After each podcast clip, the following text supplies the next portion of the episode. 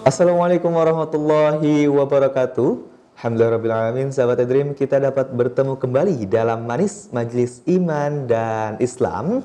Pembahasan kitab Riyadus Solihin bersama Ustadz Abdullah Haidir tentunya. Dan juga Ustadz Abdullah Haidir telah hadir di sini, di studio iDream ya. Kita sapa dulu, Assalamualaikum Ustadz. Waalaikumsalam warahmatullahi wabarakatuh. Gimana kabar Ustadz? Alhamdulillah baik. Alhamdulillah Kemarin kan kita membahas mujahadah nih Sekarang kita pembahasannya apa? Masih melanjutkan ada beberapa hadis lagi yang akan kita baca dalam bab ini. Hmm, kita masih melanjutkan bab mujahadah yang Ya. kemarin satu ya. Baik insya Allah. Oke, nah jadi sahabat Dream kita hari ini akan melanjutkan pembahasan terkait mujahadah. Eh, saya mengajak sahabat iDream di mana pun anda berada untuk yang mau bergabung, yang mau bertanya bisa langsung telepon kita di 0217885300 atau juga WhatsApp kita di 082297891044 dan anda juga bisa mendengarkan siaran kami di streaming di www.idreamradio.id dan juga jangan lupa untuk memfollow beberapa sosial media kita ada Twitter di iDream Radio 1044 dan juga ada Instagram kita iDream Radio. Nah, langsung aja tanpa berlama-lama lagi kita dengarkan bersama kajian kita hari ini kitab Riyadus Solihin membahas terkait mujahadah. Tafadhal Ustaz. Assalamualaikum warahmatullahi wabarakatuh. Waalaikumsalam warahmatullahi Bismillahirrahmanirrahim. Alhamdulillahi rabbil alamin. Wassalatu wassalamu ala nabiyyina Muhammadin wa ala alihi wa ashabihi wa man tabi'ahum bi ihsanin ila yaumiddin amma ba'd. Sahabat Edrim yang eh, dirahmati Allah Subhanahu wa taala, eh, kita akan lanjutkan kajian kita dari kitab Riyadhus Shalihin eh, masih dalam bab al-mujahadah ya, yaitu bersungguh-sungguh ya, dalam beramal. Ya, karena memang Al-Imam An-Nawawi eh, mencantumkan cukup banyak hadis-hadis dalam bab ini, sekitar 17 hadis. Kita akan baca salah satunya lagi. Bismillahirrahmanirrahim an Abi Hurairah radhiyallahu anhu qol.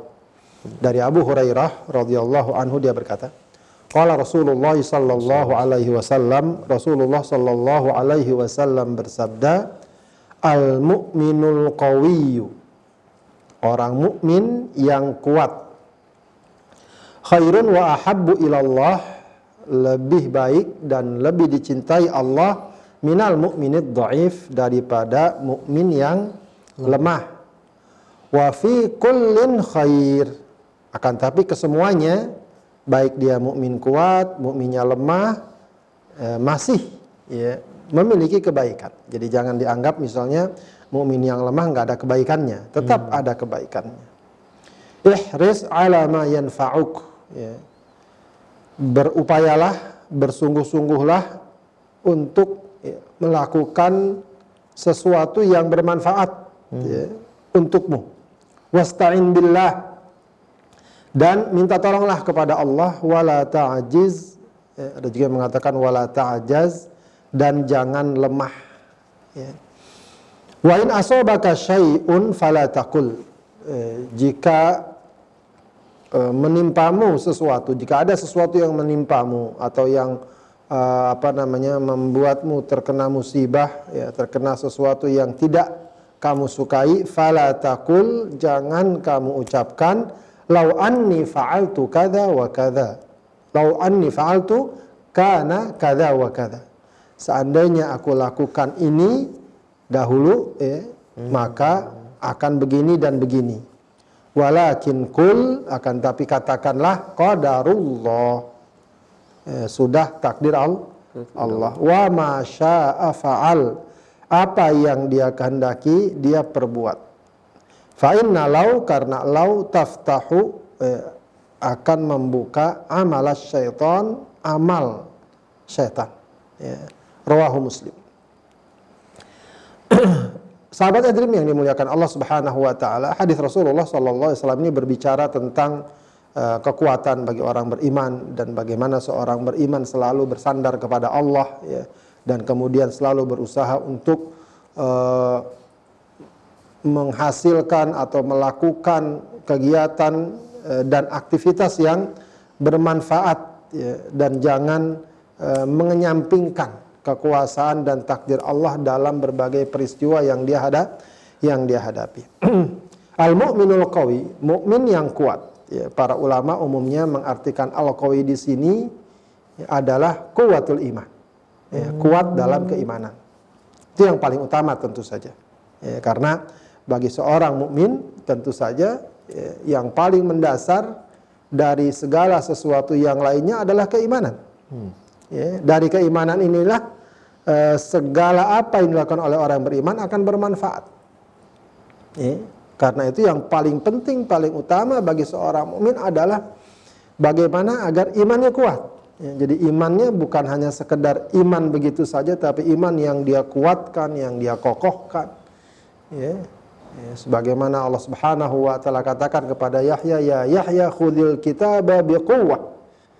Eh, wahai Yahya, ambillah, peganglah Alkitab, eh, kitab yang Allah turunkan, yang Allah wahyukan kepadanya dengan kuat. Hmm. Ya, jadi tidak hanya asal. Maka ini juga menuntut kita sebagai seorang mukmin untuk jangan ya seadanya dalam beriman, tapi kita kuatkan, kita kokohkan, tidak mudah goyah. Ya, sebagaimana juga uh, bagaimana kuatnya Rasulullah SAW ketika uh, ditawarkan oleh orang-orang kafir Quraisy untuk beribadah e, bergantian. Ya, sekali waktu mereka beribadah sebagaimana Rasulullah beribadah mereka juga minta nanti Rasulullah beribadah seperti mereka beribadah. Hmm. ya maka Allah e, ajarkan Rasulullah sallallahu alaihi wasallam dalam surat Al-Kafirun la a'budu ma ta'budun. Aku tidak menyembah apa yang kalian sem kalian sembah. Itulah kekuatan ini hmm. kekuatan iman. Meskipun juga tentu makna hadis ini pun uh, bisa terbuka untuk makna yang lain. Hmm. Ya. Kekuatan iman, kekuatan ibadah, kekuatan akhlak, ya, kekuatan ilmu, termasuk juga kekuatan badan atau kekuatan fi kekuatan fisik. Ya, artinya tentu lebih baik seorang mukmin yang kuat fisiknya dibanding mukmin yang tidak kuat fisiknya. Hmm. Tapi kalau dipilih misalnya mukmin dia kuat imannya, namun secara fisik dia lemah, satu lagi mukmin lemah fisiknya, eh, maaf, mukmin lemah imannya, kuat fisiknya. Hmm. Bagus mana? Ya tentu mukmin yang kuat imannya walau lemah Fisik. fisiknya karena iman yang paling utama. Akan tapi kalau ada pilihan mukmin kuat imannya, kuat fisiknya, tentu lebih utama dibanding mukmin yang kuat imannya tapi lemah fisik, fisik. lemah fisiknya atau lemah-lemah yang lainnya lemah fisiknya, lemah ekonominya, lemah ilmunya, ya, dan lain sebagainya. Intinya memang ya tentu yang paling ideal segalanya dia kuat, ya, segalanya dia dia kuat. Ya. Yang paling utama sekali lagi kita katakan kuat imannya. Ya, sebab ini nanti ada kaitannya juga dengan tuntutan bagi dia untuk beriman dan beramal soleh, ya, beribadah taat kepada Allah, taat kepada Allah. Ya, sebab Ketaatan kepada Allah, ibadah kepada Allah yang paling utama landasannya adalah kuat iman. Hmm. Bukan semata kuat fisik. Ya, ada orang fisiknya kuat, gampang dia sholat, gampang dia eh, apa namanya eh, tilawatul Quran, gampang dia ngaji kuat fisiknya. Tapi kalau imannya nggak kuat, nggak akan tergerak. Hmm. Adapun orang yang imannya kuat, ya, walau bahkan lemah fisiknya, dia akan menguatkan diri, menguatkan dirinya. Ya dia mungkin akan ringan berjalan ke masjid setiap hari, sholat berjamaah. Ya. Sementara orang yang kuat fisiknya, jangankan jalan ke masjid, naik gunung dia kuat, hmm. gitu kan. Tapi karena lemah imannya, maka jalan ke masjid pun akan terasa ber, berat. terasa berat. Nah, kalau mukmin ini kuat, ya, terutama imannya dan juga tentu eh, diharapkan yang lainnya, ya, ilmunya, eh, fisiknya, kesehatannya, ketaatannya, hartanya, maka kata Rasulullah khairun wa ahabbu ilallah. Itu lebih baik dan lebih Allah cinta cintai. cintai. Minal mu'minid dhaif dari mukmin yang lemah. yang lemah. Ya. Akan tapi Rasulullah tetap katakan wa fi kullin khair.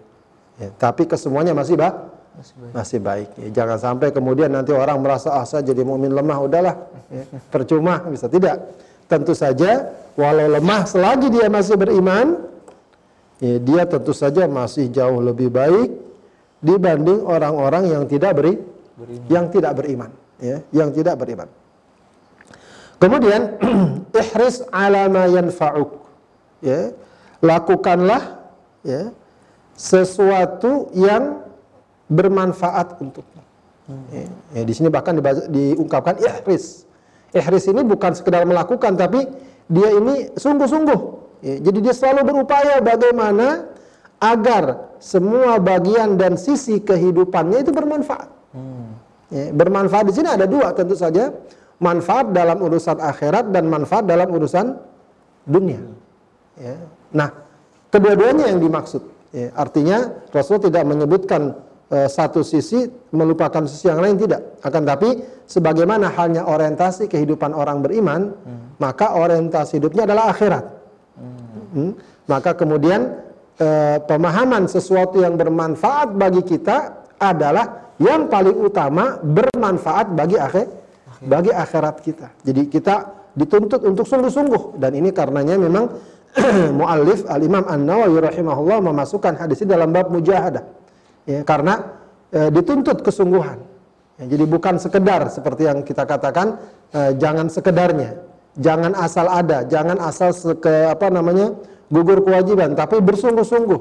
Hmm. Bagaimana kita dapat melakukan sesuatu yang bermanfaat untuk akhirat kita ya, apakah dengan ibadah, dengan amal soleh, dengan akhlak, dengan muamalah yang baik pada manusia. Ya. Dan tentu saja juga masuk dalam perkara ini adalah sesuatu yang bermanfaat dalam urusan dunia. Dalam urusan dunia keseharian. Ya, dalam dunia keseharian, usahakan bermanfaat. Jadi jangan ada bagian dari hidup kita yang terbuang percuma. Ya, yang terbuang percuma. Namun, sekali lagi kita katakan, orientasi kehidupan kita ya, adalah akhirat. Maka akhirat dinomor satukan. Maksudnya adalah kalau misalnya kita melakukan sesuatu kita anggap manfaat, tapi akhirat kita jadi terhalang, ya maka memang harus dikalahkan uh, apa yang kita anggap bermanfaat di dunia kalau akibatnya mengorbankan akhirat. Tapi kebalikannya, mengejar akhirat menyebabkan kita mengorbankan perkara dunia, itu tidak mengapa. Ya, itu tidak tidak mengapa dan mestinya demikian. Ya, katakanlah kita mencari harta, ya, mencari harta, ya ternyata dengan cara kita mencari harta kita menjadi tidak sholat atau terhalang untuk sholat. Maka itu harus kita pikirkan. Ya, jangan kalau begitu, jangan cari harta seperti ini yang dapat menghalangi kita dari so, dari sholat. Ya. Tapi kebalikannya, karena kita sholat misalnya, ya, atau melakukan ibadah yang lainnya terhalang bagi kita misalnya satu dua keuntungan dunia ya, misalnya lagi buka warung gitu ya kalau kita sholat mungkin pelanggan satu dua pelanggan tidak dapat kita hmm. ya tidak mengapa lakukan itu maka eh, kita upayakan agar kita dapat perkara dunia akhirat walau mungkin kita kehilangan dunia tapi kaedahnya adalah yang selalu para ulama ingatkan jika kalian utamakan dunia, akhirat akan ketinggalan. Tapi jika kalian utamakan akhirat, dunia insya Allah akan akan ikut. Ya, akan akan ikut. Intinya adalah seorang muslim dalam hadis ini dituntut untuk apa namanya selalu berupaya kalau bahasa kita sekarang produktif, hmm. positif. Ya. Jadi jangan banyak nganggur. Sering kita dapati sekarang orang nongkrong di pinggir jalan sejam, dua jam, tiga jam kalau ditanya urusan akhiratnya dapat enggak? Urusan dunianya juga enggak. Atau mungkin sekarang juga banyak nonton di depan televisi, ya, nonton sinetron segala macam. Ya, kalau dilihat-lihat urusan akhirat enggak ada, urusan dunia enggak ada. Nah, e, meskipun demikian, meskipun kita dituntut untuk sungguh-sungguh berikhtiar dan berusaha, tetap saja jangan melupakan Allah. Wasta'in billah minta tolonglah kepada kepada Allah wala ta'jiz dan jangan lemah hmm. ya. Wala ta'jiz ada juga mengatakan memang wala ta'jaz. Ya. jangan lemah. Lemah di sini kadang ada orang sudah punya semangat mau sholat mau usaha mau dagang misalnya. Kadang-kadang sudah ada perasaan ah lemah. Ah nanti juga rugi. Enggak nanti uh, nggak berhasil, itu lemah. Mau sholat, ah nanti berat, dan itu lemah.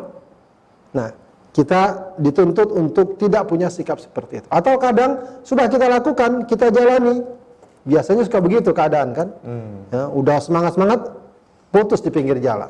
Pengen belajar, katanya pengen belajar bahasa Arab misalnya. Hmm. Semangat belajar bahasa Arab. Sekali dua kali pertemuan absen. ya, males, capek, itu namanya ajiz, lemah. Ya, dan sering kali kesuksesan atau kegagalan seseorang tidak selalu berbanding lurus dengan kecerdasan atau kepiawaian dan kemampuannya. Hmm. Ya, sering kali juga terkait dengan keuletannya.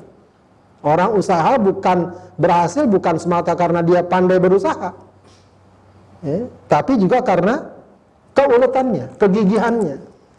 Ya, sementara orang gagal dalam usaha atau apa saja tidak semata karena dia tidak pandai.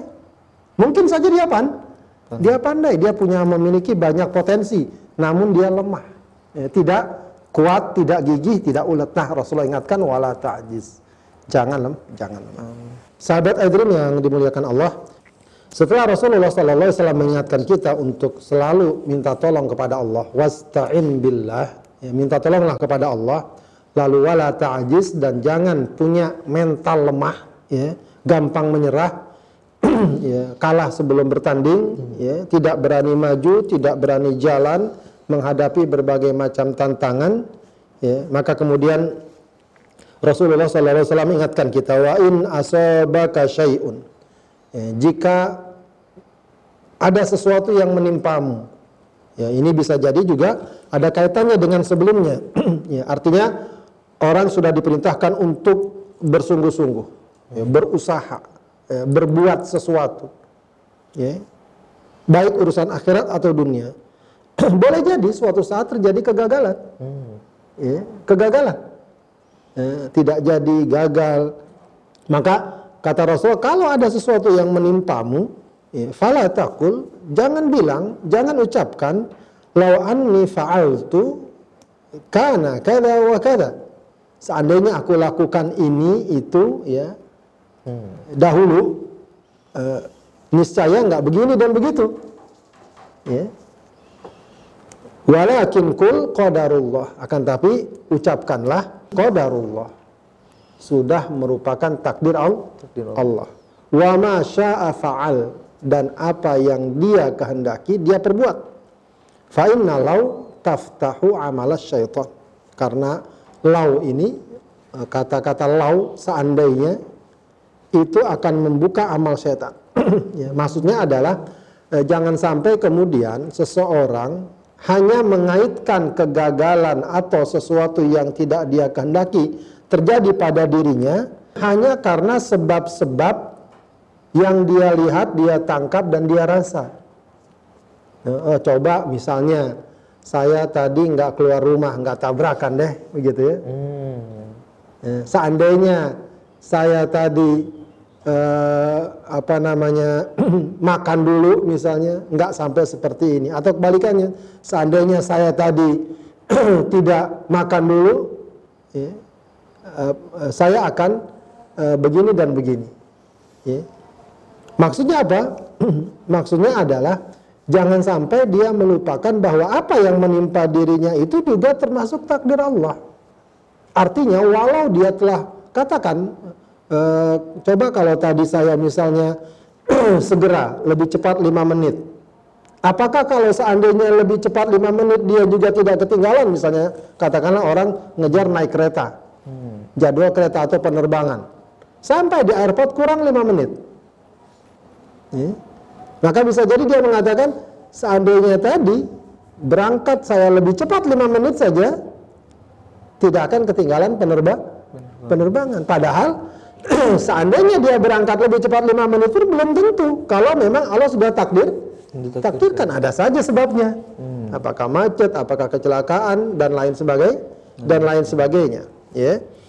Maka yang tepat adalah kalau terjadi sesuatu yang tidak dia sukai musibah atau dia berusaha usahanya gagal atau dia merencanakan satu program programnya gagal atau satu keinginan dan perbuatan ternyata tidak berhasil ya kemudian ketika itu dia semua kaitkan dengan takdir Allah. Maka yang Rasulullah ajarkan ketika itu hendaknya kita mengucapkan qadarullah wa masya'a fa'al. Ini satu ucapan yang bagus kita biasakan. Jadi kalau kita misalnya ojan naik kereta atau janjian sama teman, udah disepakati, janjian kita ketemu hari ini tempatnya jam segini, udah sama-sama udah kuat, azam kuat. Tapi pas pada hari yang ditentukan, waktu ditentukan, sakit misalnya, atau entah dengan hal apa, misalnya nggak jadi, ya, mungkin kendaraannya mogok lah atau apa, ya, maka kita katakan qadarullah wa masya'a fa'al. Ya. Ini sudah merupakan takdir Allah. Apa yang dia kehendaki dia perbu dia perbuat. Fa'inna lau karena kalau dia bilang lau ya, taftahu amala syaitan akan membuka peluang syaitan. Apa maksudnya membuka peluang syaitan? Ya salah satunya dan yang paling prinsip adalah akan menyebabkan dia tidak mengembalikan segala sesuatu kejadian kepada Allah kepada Allah tapi hanya kepada urusan-urusan yang dia lihat saja ya dia lihat semata ya dia apa namanya tidak uh, mengembalikan uh, apa yang dia alami peristiwa yang dia alami kepada Allah Subhanahu wa taala. Sebab ini adalah bagian dari uh, keyakinan kita kepada Allah yaitu yakin akan takdir dan ketetapan Allah. Makanya juga uh, apa namanya ini juga bagian dari keimanan. Maka dikatakan tadi al mukminul qawiyu. Orang yang im, kuat, kuat imannya ya mestinya akan mengembalikan segala peristiwa yang dia alami dalam hidupnya kepada Allah Subhanahu wa taala dan dia pun akan selalu minta tolong kepada Allah Subhanahu wa taala. Jadi inilah indahnya orang ketika uh, beriman dengan kuat ya, salah satunya dengan takdir Allah. Ya. Kalau dia mendapatkan kebaikan, dia tidak mudah sombong. Kenapa? Ya dia tahu bahwa itu semua tak lepas dari tentu ketentuan Allah. Ketentuan Allah. Kalau dia mendapatkan keburukan dan kesulitan, dia pun tidak mudah putus asa. Kenapa? Karena memang itu adalah eh, ketentuan Allah ketentuan Allah. Walau dia usahakan dengan berbagai macam cara, kalau ketentuan Allah berbeda dari apa yang dia inginkan, eh, maka terjadilah apa yang terja terjadi. Tentu masalah ini sekali lagi, ketika kita beriman kepada takdir, ya, selalu kita ingatkan bukan berarti kita menafikan atau mengenyampingkan usaha ikhtiar. Makanya juga tadi Rasulullah sudah awali, ya, jangan sampai orang terjerumus pada sikap apa istilahnya fatalis, ya, fatalistik, ya. Hmm. pasrah total begitu. Tidak. Makanya Rasulullah katakan ihris ala ma usaha. Bahkan bahasanya ihris, iris artinya sungguh-sungguh. Ya, kalau orang Jawa mungkin ngoyo ya bahasanya. Ngoyo. Ngoyo.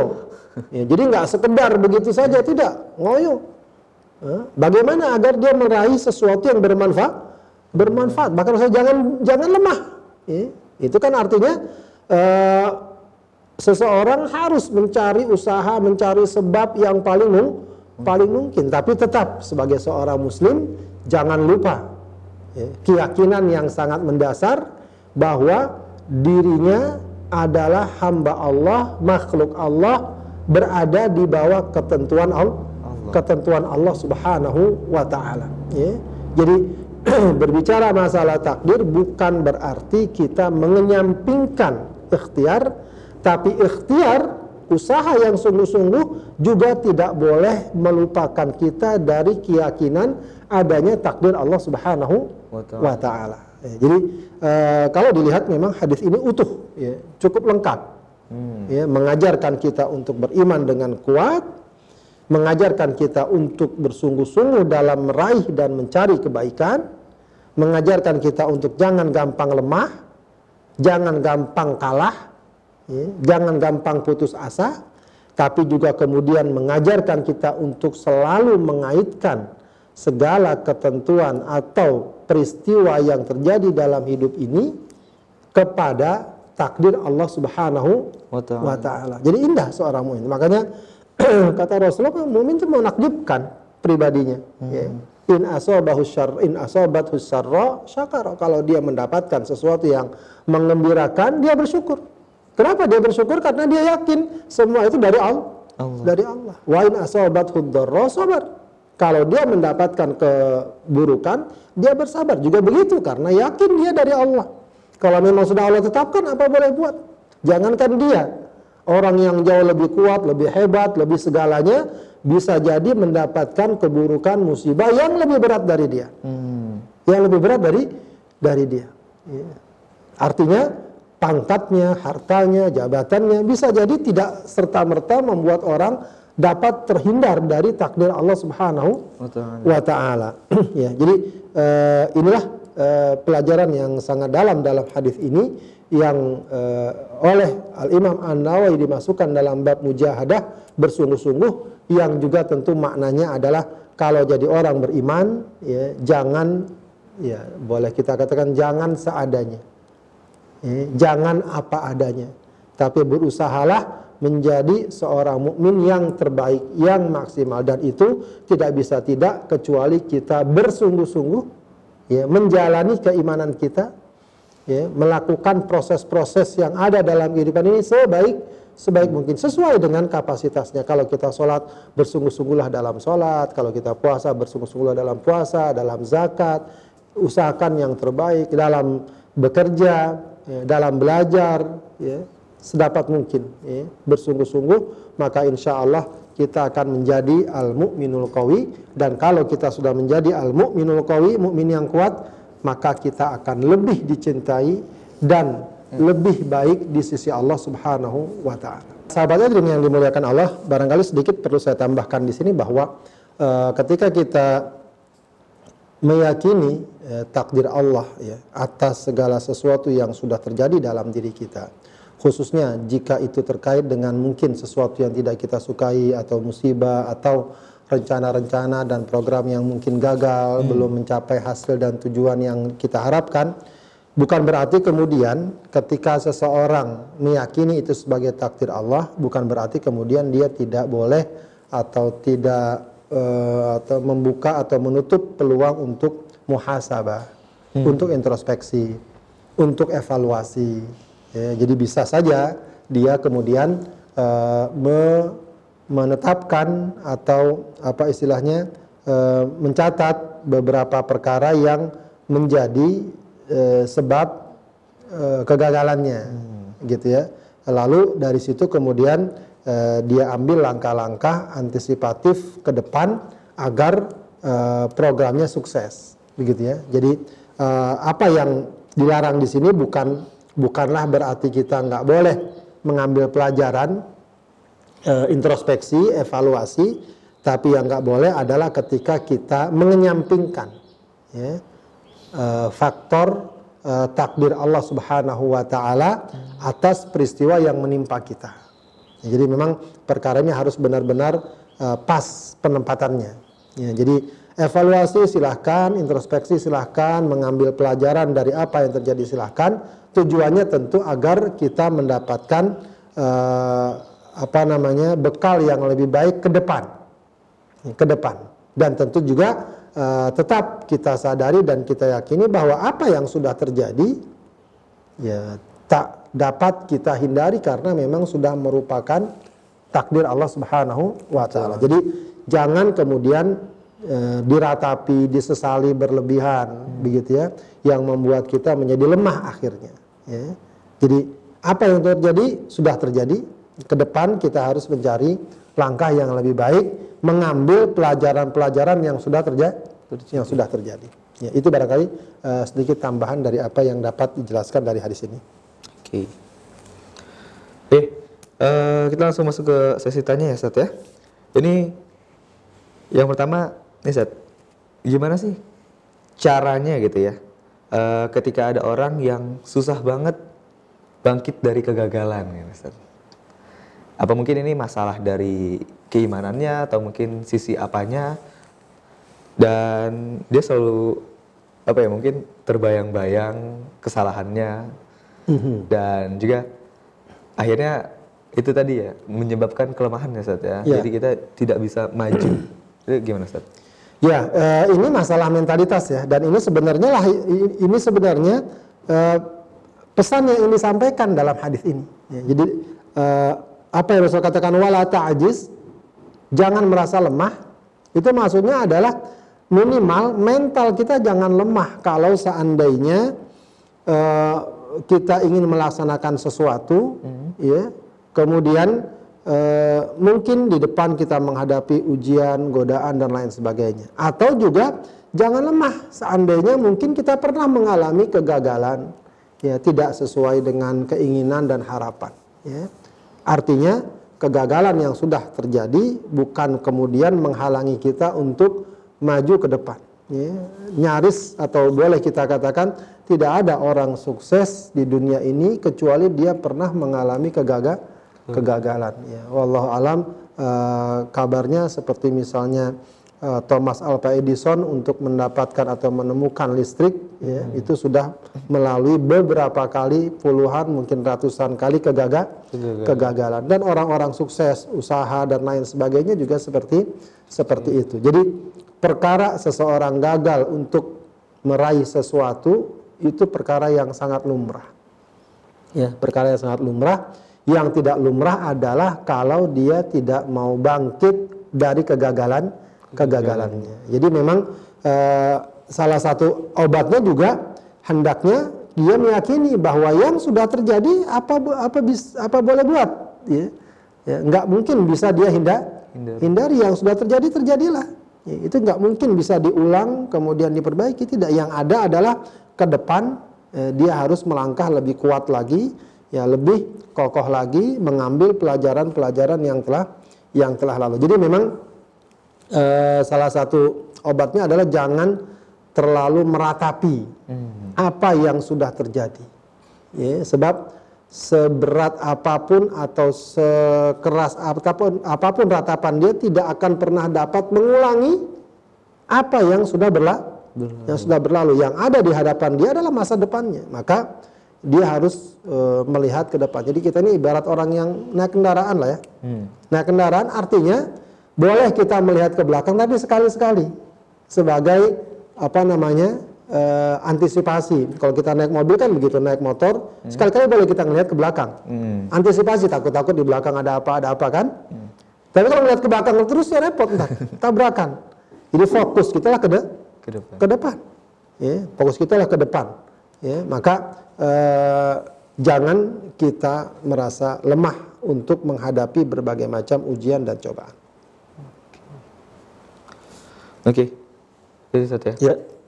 Oke, kita insya Allah menjawab ya dan kita lanjut ke pertanyaan selanjutnya. Uh, ini Ustaz, berkaitan dengan mujahadah ini kan bersungguh-sungguh dalam beribadah nih Ustaz ya. Tapi apakah kita harus selalu bersungguh-sungguh dalam artian kita harus selalu serius Ustaz dalam menjalani hari-hari? Hmm. Apakah kita nggak boleh istilahnya bermain atau mungkin yeah. nongkrong-nongkrong gitu kan ya? Mungkin yang anak-anak muda sekarang kan sukanya yang seperti itu mungkin saat itu gimana saat? ya bersungguh-sungguh di sini tentu saja memang bukan berarti kemudian akhirnya tidak ada sedikit pun waktu bagi kita untuk bersenda gurau, bercengkrama, hmm. bercanda. Rasulullah dengan para sahabatnya bercanda, dengan istrinya juga bercanda, ya.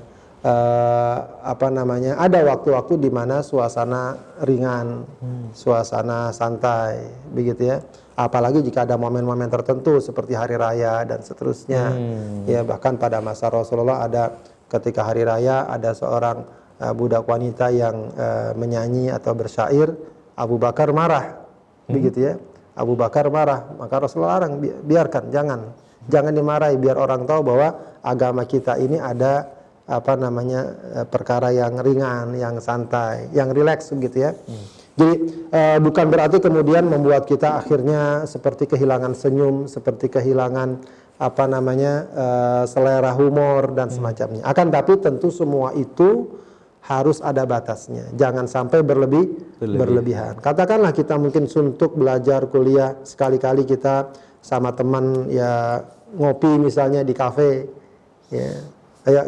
refreshing tidak masalah hmm. ya itu tidak masalah tapi uh, kalau sampai misalnya tiga jam, 4 jam, kemudian setiap hari atau dalam sepekan tiga kali, empat kali, terlalu banyak membuang, wak membuang, membuang waktu. waktu. Ya, membuang waktu. Jadi semua diukur sesuai dengan kadarnya sa kadarnya saja. Bercanda juga dengan teman sesuatu yang bagus, ya. Hmm. Bercengkrama, bersenda gurau segala macam. Tapi jangan sampai eh, terlalu banyak mengambil porsi waktu eh, porsi waktu kita. Dan sedapat mungkin menghindari perkara-perkara yang dapat timbul pada perkara maksiat keharaman. Bercanda misalnya tidak sampai bisa mencela atau juga bercanda tidak sampai berdusta.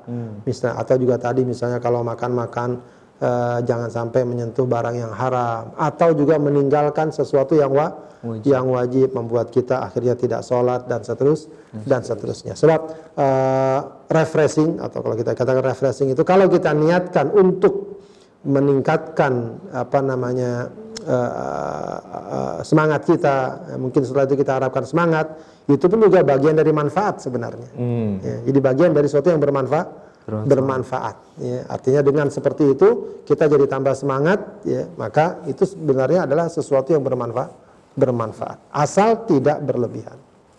Ya. Wallahu a'lam. Insyaallah. Oke. eh, selanjutnya Ustaz ya. Ini Ustaz tadi kan eh, kita dilarang atau kalau bisa jangan bilang kalau ya Ustaz ya atau seandainya. Nah, eh, tapi apakah kata-kata seandainya ini nggak boleh banget kita ucapkan?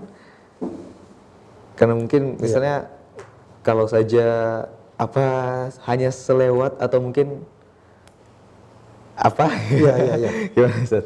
Baik, eh, ini memang perkara yang terkait dengan adab ya kita dengan Allah Subhanahu wa taala. Eh, terkait dengan hadis ini, kalau dilihat konteks hadis ini, larangan mengucapkan seandainya itu adalah terkait dengan peristiwa-peristiwa yang sudah kadung terjadi. Hmm. Ya. Lalu kita ucapkan begitu saja dalam konteks ya kita hanya menyesali kegagalan tersebut karena eh, kita kaitkan dengan perbuatan atau sesuatu yang kita lakukan. Ah, kemudian kita menyampingkan ketentuan Allah Subhanahu wa taala yang menjadi keimanan kita yaitu iman kepada takdir. Ya, Jadi eh, ya memang ini patut dibiasakan. Kita patut biasakan ucapan-ucapan yang ba yang baik. Ya. Walaupun mungkin dari segi hati kita tetap yakin takdir Allah, tapi kadang-kadang ucapan itu penting. Ya kalau kita melihat yang baik atau kita bersyukur kita katakan alhamdulillah, begitu ya. Jangan jangan apa namanya eh, eh, untung ada ente, begitu kan? Ya, saya tadi eh, apa namanya eh, sedang mengalami masalah, untung ente datang, ya itu ya tidak masalah ya. Cuma seandainya kita katakan alhamdulillah eh, bersyukur kepada Allah eh, ada ente sehingga eh, saya dapat tertolong begitu. Jadi kita selalu mengaitkan segala sesuatu kepada Allah Subhanahu wa taala. Nah, yang dimaksud di sini adalah begitu. Ya, jangan sampai kita melupakan bahwa eh, musibah ini eh, merupakan takdir Allah. Jangan cuma kita katakan seandainya tadi saya eh, nggak jadi berangkat gitu ya. Seakan-akan kita menyesali sesuatu yang sudah kita lakukan atau juga kita eh, mengaitkan itu hanya semata-mata karena kita jadi berangkat. Padahal kalau kita nggak berangkat pun kalau Allah kasih musibah akan ada musik Ada musibah. akan ada musibah. Ada orang nggak ke mana-mana dapat musibah. Ada orang naik motor dapat musibah. Ada orang naik pesawat dapat musibah oh sekarang kalau begitu coba dia tadi nggak naik pesawat nggak kena musibah belum tentu juga Ya, musibah kalau sudah Allah tetapkan akan Allah berlaku berlakukan masya'a fa'al. Ya, maka ada ungkapan yang cukup menarik.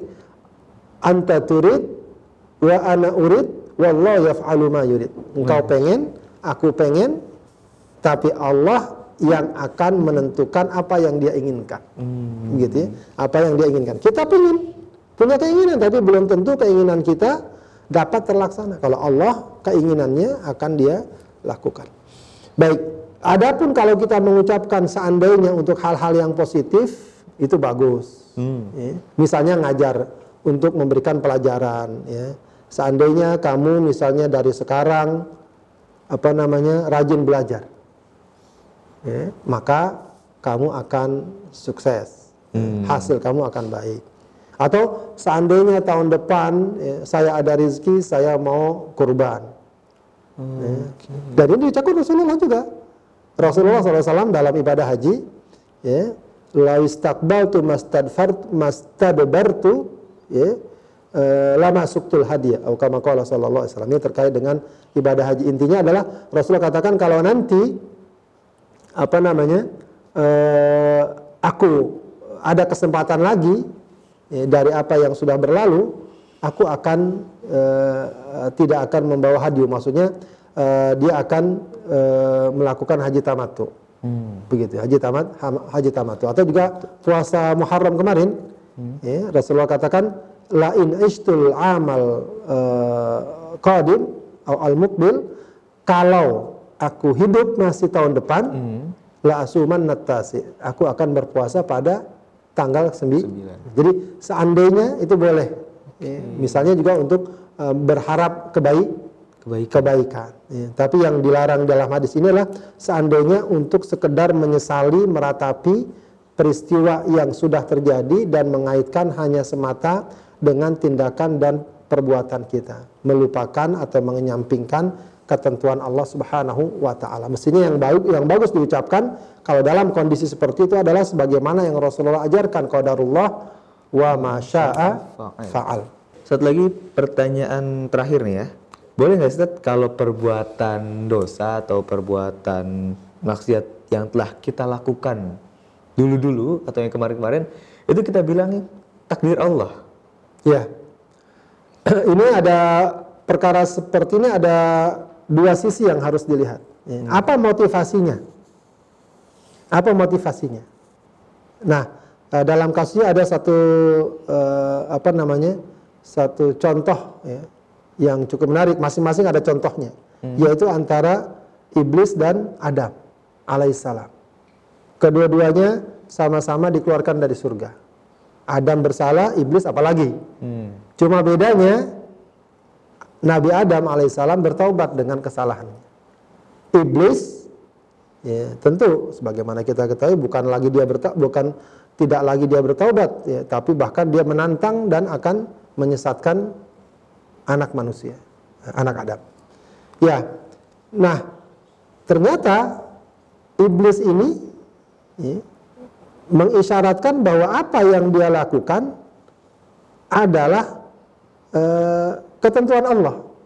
Hmm. Namun hal itu dia ucapkan uh, dalam rangka untuk uh, semacam melegitimasi, menjustifikasi atau membenarkan amalnya. Hmm. Ya, membenarkan amalnya. Kan dalam dalam itu dikatakan Rabbi bima aghwaytani la ughwiyannahum ajma'in. Ya Allah, karena engkau telah menyesatkan aku, aku akan menyesatkan mereka semua semuanya. Hmm. Ya, jadi itu memberikan isyarat iblis uh, mengatakan bahwa itu memang sudah takdir Allah, gitu, sudah takdir. takdir tapi Allah. itu dia ucapkan dalam rangka apa? Dalam rangka untuk terus dalam kemaksiatannya. Hmm. Untuk atau setidaknya membenarkan kemaksiatannya. Ya. Tidak ada gambaran taubatnya dan lain sebagainya. Maka kalau ucapan seperti itu, ah sudah takdir saya berbuat dosa, sudah takdir saya berbuat maksiat, tapi diucapkan dalam rangka membenarkan kemaksiatannya, tidak ada keinginan bertaubat, tidak mengakui kesalahannya, maka itu tidak dibenarkan. Lain halnya dengan Nabi Adam alaihissalam. Nabi Adam juga bermaksiat, ya, melanggar perintah Allah, sebagaimana kita ketahui dilarang untuk memakan uh, pohon tertentu dalam surga namun dia makan. Maka dia diusir di surga. Tapi Nabi Adam segera bertobat Rabbana dhalamna anfusana wa illam taghfir lana lanakunanna minal khasirin. taubat. Dan dalam satu riwayat disebutkan bahwa Nabi Musa alaihissalam itu mengecam Nabi Adam. Hmm? mengecam Nabi Adam. Ya bahasa kita gara-gara kamu nih. Ya, hmm. kita umat manusia jadi dikeluarin dari sur surga. dari surga. Coba kalau kamu nggak dikeluarin, kita akan semua lahir di surga, begitu. Kurang lebih seperti itu. Apa jawab Nabi Adam? Ya, jawab Nabi Adam, apakah kamu akan mencela aku pada satu perkara yang sudah Allah tetapkan 50 ribu tahun sebelum aku diciptakan? Hmm. Paham nggak? Jadi maksudnya Nabi Adam mengatakan bahwa perbuatan aku atau katakanlah pelanggaran ketergelinciran Nabi Adam ya, dirinya itu hanyalah tak lebih dari ketentuan Allah yang sudah berlaku sudah takdir juga bahasanya. Akan tapi Nabi Adam mengucapkan hal itu dalam rangka apa? Ya sekedar kepercayaannya kepada takdir dan dia tetap bertaubat serta memperbaiki diri memperbaiki diri. Maka seandainya seseorang ya, mengaku bahwa kemaksiatan yang sudah dilakukan adalah takdir, tapi dia bertaubat dan dia terus memperbaiki diri, itu tidak mengapa, bagus. Kenapa? Fungsinya agar dia tidak terlalu terjerumus dalam perasaan bersalah. Hmm. Ya. Kan sering ada orang ini bertaubat, sudah bertaubat tapi masih ada perasaan apa? Bersalah. Bersalah, aduh saya dulu sudah berlumur dosa dan lain sebagainya. Ya. Merasa berat, yang tadi ente bilang juga, nggak mau bangkit, nggak mau move on. Hmm. Itu salah satunya juga dapat diringankan dengan satu keyakinan dan kesadaran bahwa apa yang sudah terjadi itu ya, tak lain merupakan takdir Allah. Tapi ingat catatannya, jangan jadikan itu sebagai legitimasi pembenaran atas kemaksiatan kemaksiatannya. Jadikan itu sebagai kesadaran bahwa memang dia tidak mungkin lepas dari takdir walau dalam perkara maksiat. Tapi dalam hal ini dia wajib harus memperbaiki diri dan ke depan waktu yang tersisa yang Allah berikan tidak boleh lagi atau dia punya azam yang kuat tidak boleh lagi mengulangi perbuatan kemaksiatan yang pernah dia laku Lakukan. dia lakukan. Jadi dalam masalah ini memang harus melihat motivasinya, hmm. tujuannya, ya, dan sikap yang sesungguhnya.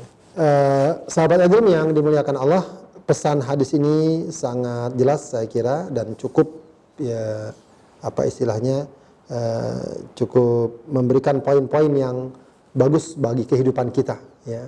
Pertama pesannya adalah jadilah seorang mukmin yang kuat. Ya.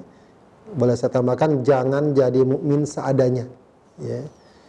Dan kemudian eh, selalulah produktif dalam hidup ini, ya, terutama urusan akhirat ya, dan juga dalam urusan dunia. Ya. Produktif, positif, ya jangan terlalu banyak potensi dan waktu kita terbuang percuma, tidak mendatangkan manfaat ya, untuk urusan dunia apalagi akhirat. Ya, jadi sedapat mungkin. Ya. Akan tapi tentu sebagaimana tadi disyaratkan juga tidak perlu harus membuat kita kehilangan uh, selera humor, selera, selera candaria sewajarnya dan seperlunya dengan tujuan agar membangkitkan semangat dan membangkitkan eh, keletihan-keletihan uh, yang kita alami. Kemudian perkara lain juga yang sangat penting adalah selalu minta tolong pada Allah. Jangan kita hanya mengandalkan kekuatan kita, kemampuan kita, potensi kita, tapi selalu bersandar mohon kepada Allah dan kemudian juga wala ta'jiz, jangan lemah. Ya, jadi kalau kita ingin menghadapi satu tantangan, siapkan diri kita, kuatkan tekad kita. Di tengah perjalanan juga kuatkan tekad kita. Kalaupun kita mendapatkan kegagalan atau uh, sesuatu yang belum sesuai dengan harapan, jangan berhenti, jangan lemah, cari sebab-sebabnya, pelajari, lalu melangkah ke depan uh, dengan uh, apa namanya kondisi lebih kuat, lebih baik, lebih memahami permasalahan yang ada. Dan kemudian eh, yang terakhir adalah jangan kita lupa segala sesuatu tak lepas dari takdir Allah. Kalau kita mendapati sesuatu yang tidak kita suka, maka kita katakan masya Allah eh, apa namanya qadarullah wa masya'a faal. Ya sudah merupakan ketetapan Allah. Apa yang dia kehendaki dia perbuat. Insya Allah ini sudah sangat bagus sekali untuk membekali kehidupan kita agar lebih kuat dan kokoh dalam kehidupan ini. Demikian yang saya sampaikan. Insyaallah baik jazakallah. Ustaz Abdullah Hidir telah memberikan materinya hari ini terkait mujahadah yang kedua dan semoga uh, kajian kali ini bisa bermanfaat dan juga bisa diterapkan oleh sahabat iDream juga pendengar di mana pun Anda berada. Dan juga terima kasih kepada sahabat iDream yang telah mendengarkan kami ataupun menyaksikan kami lewat channel YouTube. Dan juga Anda jangan lupa untuk bisa menyaksikan kami lewat streaming di www.idreamradio.id. Jika Anda bisa mendownload aplikasi kami di Android Anda, uh, langsung aja search di Play Store Anda. Dan jangan lupa juga untuk follow sosial media kita, beberapa account sosial media kita. Ada Twitter di iDream Radio 1044 dan juga Instagram di iDream Radio. Dan akhirnya saya Fauzan Zuhdi beserta tim dan kru yang bekerja pada hari ini mau pamit undur diri, mohon maaf bila ada salah kata. Subhanakallahumma bihamdika asyhadu an la ilaha illa anta astaghfiruka wa atubu ilaik. Assalamualaikum warahmatullahi wabarakatuh.